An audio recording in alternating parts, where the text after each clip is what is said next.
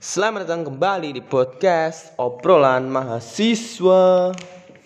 Kawan-kawanku, pada episode kali ini saya akan membahas setelah gini, setelah kemarin saya membahas terkait besarnya gelar mahasiswa, besarnya gelar maha karena saya kemarin mengatakan hanya ada dua yang mempunyai gelar maha di Indonesia. Yang pertama itu mahasiswa, yang kedua adalah Tuhan. Sehingga Gelar yang dimiliki mahasiswa itu merupakan sebuah gelar yang sangat besar. Jadi jangan sampai disia-siakan begitu saja. Dan untuk kali ini sedikit ada kemiripan dengan episode yang kemarin. Kalau saya ini saya ingin membahas terkait pola-pola aktivis zaman sekarang ya. Jadi saya bandingkan dengan zaman dahulu ketika saya mendengar cerita-cerita dari banyak dari sejumlah orang yang pernah saya temui menceritakan tentang masa lalu dari aktivis-aktivis yang telah lalu dibandingkan dengan aktivis saat ini. Perbedaannya di mana? Itu kawan-kawan. Ini entah ya, ini terlepas dari judul podcastnya saya buat apa, tapi uh, saya ingin sedikit menceritakan cerita dari sejumlah orang terkait aktivis zaman dahulu. Mohon maaf, ini saya apa? Saya sambil merokok. Jadi mohon maaf tak umpama nanti ada mungkin suara saya berhenti, saya juga apa? break ya maklum lah karena juga menyebat ini. Baik, uh, bercerita tentang aktivis atau istilahnya adalah pegiat ya, pegiat banyak orang mengatakan pegiat yang punya kepentingan. Tentu tidak lepas dari perjuangan yang dilakukan. Uh, karena seorang aktivis pasti dia adalah seorang pejuang dia adalah seorang pejuang dia selalu melakukan sebuah pergerakan untuk mengubah tatanan yang sudah ada ataupun meneruskan tatanan yang sudah ada. Seorang pegiat tentu membutuhkan kerja keras karena saja namanya giat ya dari bekerja dari mengeluarkan tenaga pikiran di pegiat itu selalu mempunyai kerja keras. Selain itu juga pasti mempunyai tanggung jawab yang besar dengan apa yang akan dia lakukan. Dia sudah tahu pasti konsekuensi yang akan didapat pada saat dia melakukan sebuah giat gitu ya. Aktivis literasi dia pasti akan menggiatkan orang untuk berliterasi. Aktivis politik pasti dia akan memperjuangkan politiknya.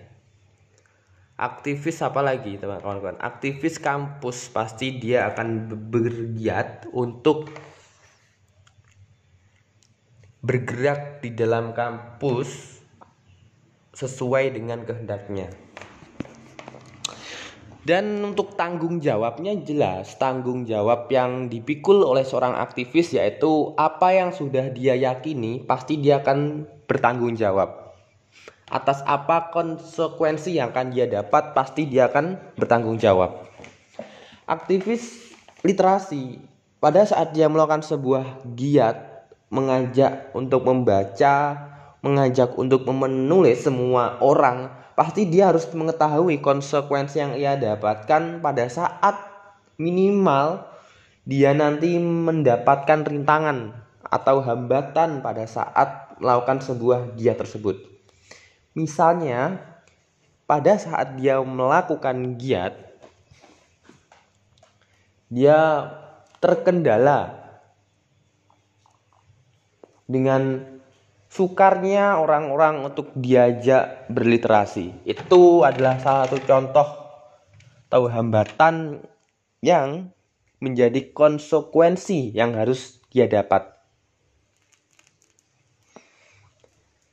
Terus juga aktivis politik. Aktivis politik juga seperti itu. aktivis politik pasti pada saat dia melakukan sebuah kepentingan politiknya, dia pasti juga akan menghadapi hambatan dari lawan-lawan politiknya yang tentu melawan kehendak yang ingin dia lakukan. Jadi yang namanya aktivis dengan hambatan itu pasti selalu beriringan. Pada saat ia ingin menggiatkan sesuatu, pasti saja ada hambatan, ada rintangan yang selalu mengintai. Di sinilah pada saat akan ada rintangan, ada hambatan, perlunya kerja ekstra agar apa yang kita inginkan itu bisa tercapai meskipun melewati banyak sekali rintangan maupun hambatan. Lihat, tidak jarang ya kawan-kawan semuanya banyak orang yang menjadi pegiat ketika sudah menemukan rintangan ataupun hambatan dia berhenti. Dia tidak mau melanjutkan perjalanannya untuk menggapai apa yang dia inginkan. Semisal kita ambil contoh aktivis literasi. Dia ingin menggiatkan sebuah literasi di suatu daerah. Karena semisal ada penolakan dari salah satu warga, dia berhenti, dia tidak ingin melanjutkan apa yang dia inginkan atau apa yang dia giatkan. Yaitu adalah salah satu contoh bahwa kerja keras yang dilakukan masih kurang ataupun dia menemukan hambatan, dia berhenti dan dia tidak mau melanjutkannya. Apakah seperti ini banyak? Banyak sekali. Banyak sekali seperti ini. Karena memang kurang tekunnya, kurang percaya dirinya, inilah yang menyebabkan kita banyak sekali seorang aktivis yang berhenti di tengah jalan karena merasa sudah gagal putus asa. Begitupun juga yang politik maupun juga yang tadi dalam kampus juga seperti itu. Lah, kalau sudah menghadapi fenomena seperti ini, banyak sekali apa ya? Hambatan tadi, hambatan konsekuensi yang didapat.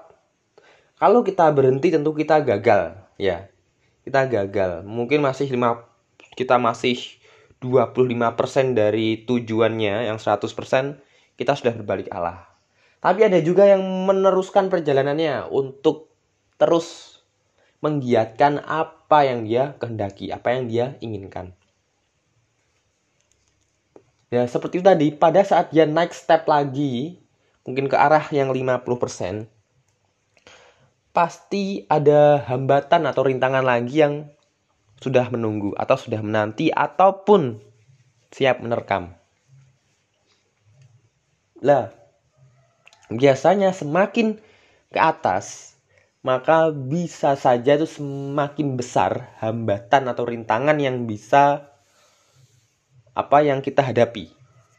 Kalau tadi pada seperti pegiat misal aktivis pegiat literasi hal tadi di 25% karena ada penolakan dari warga tiba dia dia tiba-tiba dia berbalik arah untuk tidak meneruskan perjalanannya mungkin ada juga yang terus melanjutkan perjalanannya di step 25% tadi berhasil dia berhasil melewati rintangan itu tadi, dia naik step ke 50%. Lah, di step itu mungkin ada hambatan lagi. Hambatannya apa? Hambatannya mungkin ada orang yang ingin menyuap dia sebagai aktivis literasi untuk tidak melanjutkan perjalanannya. Karena mungkin ada kepentingan di situ. Kalau nanti aktivis literasi semakin digalakkan, masyarakat semakin cerdas sehingga tenaga-tenaga kasar dari masyarakat tidak bertidak apa tidak ada lagi semisal seperti itu karena mungkin di situ adalah daerah perindustrian daerah perburuhan sehingga sangat dibutuhkan sekali tenaga kasar yang memang sering dibodohi. Semisal seperti itu.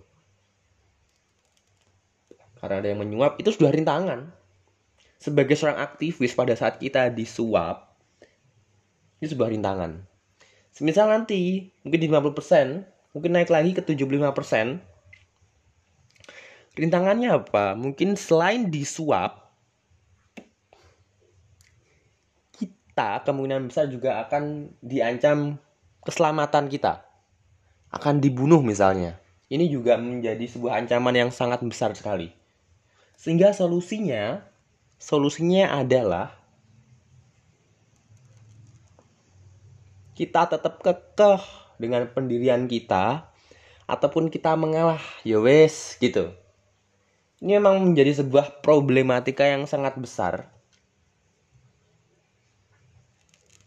antara nyawa ataupun kita menerima dengan harga diri kita tidak ada ini ada banyak kasus ya ada beberapa kasus ada yang memilih dia meneruskan perjuangannya dia rela mati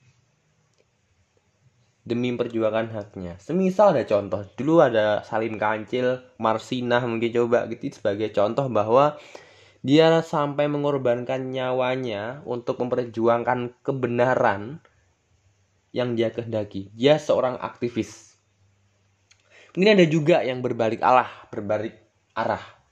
Yang mengata yang menerima uang, mungkin menerima uang terus ya wes lah gitu dengan ya wes lah gitu Kemudian ada juga yang memilih tidak menerima uang dan juga memilih tidak melanjutkan giatnya karena tidak ingin nyawanya terancam. Ada juga macam-macam. Ya, di titik ini yang biasanya banyak dikritisi adalah pada poin yang tadi mengatakan bahwa dia menerima suap karena sudah diiming-imingi itu tadi inilah yang saya tekankan pada pada pembahasan podcast pada episode kali ini. Aktivis wedilue itu itu istilah yang saya kira tepat untuk menggambarkan saat ini. Ini bukan berarti kalau mahasiswa sekarang lebih suka menyukai suap menyuap itu bukan. Bukan seperti itu. Tapi mahasiswa sekarang itu enggan untuk berjuang berjuang menjadi seorang aktivis karena memang enggan kehidupannya itu tersita hanya untuk memperjuangkan giat-giat seperti itu yang mereka anggap ini tidak menghasilkan uang sama sekali ini hanya membuang waktu-waktu saya alangkah baiknya kalau ini bisa saya buat untuk bekerja ataupun ini bisa saya buat untuk bersenang-senang bersama teman saya Itulah yang saya katakan aktivis luwe karena yang dipikirkan lah aku sok piye urepku. Saya nanti harus bagaimana? Nanti seumpama saya belum nikah nanti bagaimana? Kehidupan sehari-hari bagaimana? Itulah. Sehingga sesuatu yang memang harusnya dilakukan oleh seorang mahasiswa sebagai minimal advokasi masyarakat tidak ada karena kita sudah takut dengan masa depan.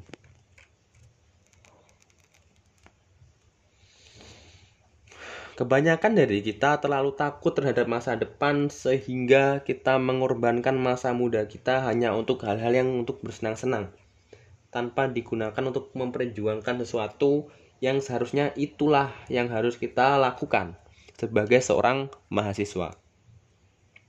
Dengan banyaknya masalah seperti itu terus ditambah lagi dengan apa? Ditambah lagi dengan ruwetnya dengan ketakutan mahasiswa sekarang ini inilah yang menjadi momok besar bagi perubahan bangsa dan negara ke arah yang lebih baik. Bagaimana mau berubah kalau uh, generasi mudanya tidak mau bergerak, tidak mau uh, berjuang seperti apa yang dilakukan oleh orang-orang terdahulu? Saya mendengar orang-orang terdahulu sampai menggadaikan sepeda motornya, dia sampai menggelapkan SPP-nya hanya untuk menggiatkan apa yang dia kehendaki.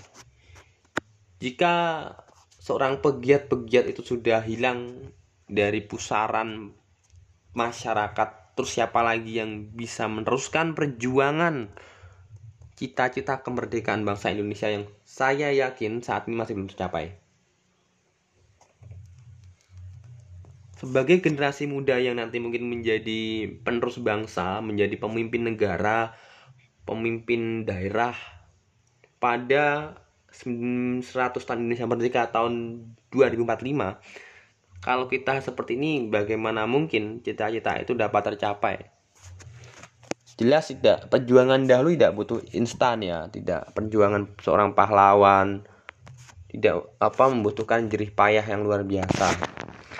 Terus kita sebagai mahasiswa apakah kita masih pas jika kita hanya istilahnya berleha-liha kita hanya bersantai-santai tanpa memikirkan apa yang kelak akan terjadi.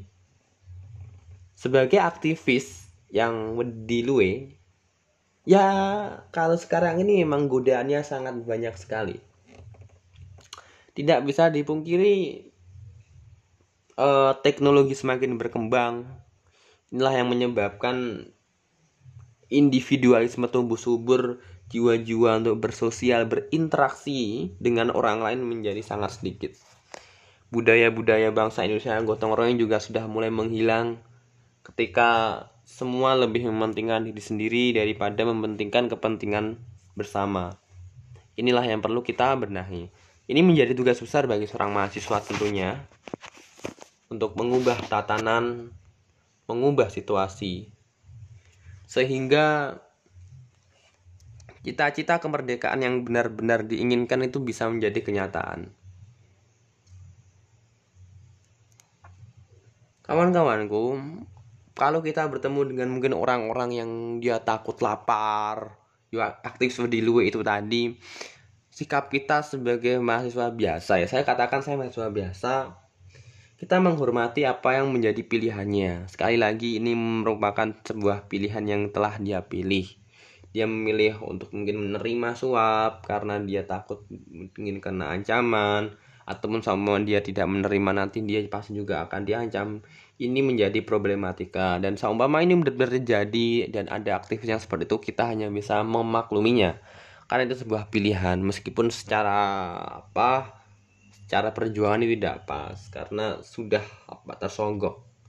Tapi itu lebih baik saya pikir daripada tipe-tipe mahasiswa yang tidak mau bergerak sama sekali hanya mementingkan bangku akademiknya tanpa melihat realitas sosial yang minimal ada di sekitarnya ada kemiskinan, kebodohan yang seharusnya bisa dituntaskan sebagai salah satu tujuan berdirinya bangsa ini. Kenapa pada saat ini banyak sekali mahasiswa yang apatis terhadap hal itu? Apakah ini merupakan sebuah tanda kemunduran bangsa dan negara? Sebuah kemunduran anak muda sehingga nanti kelak pada saat Indonesia emas tahun 2045 yaitu 100 tahun Indonesia merdeka. Rencana-rencana keinginan-keinginan itu tidak bisa terkabulkan. Rencana untuk menghilangkan kebodohan mengentaskan kemiskinan. Kawan-kawan semuanya seperti itu tadi adalah prime potret aktivis saat ini yang berjuangnya mungkin enggan-engganan dia hanya mau bergerak sama dibayar. Dia hanya mau memperoleh apa enaknya saja tanpa ada keinginan untuk mengubah situasi.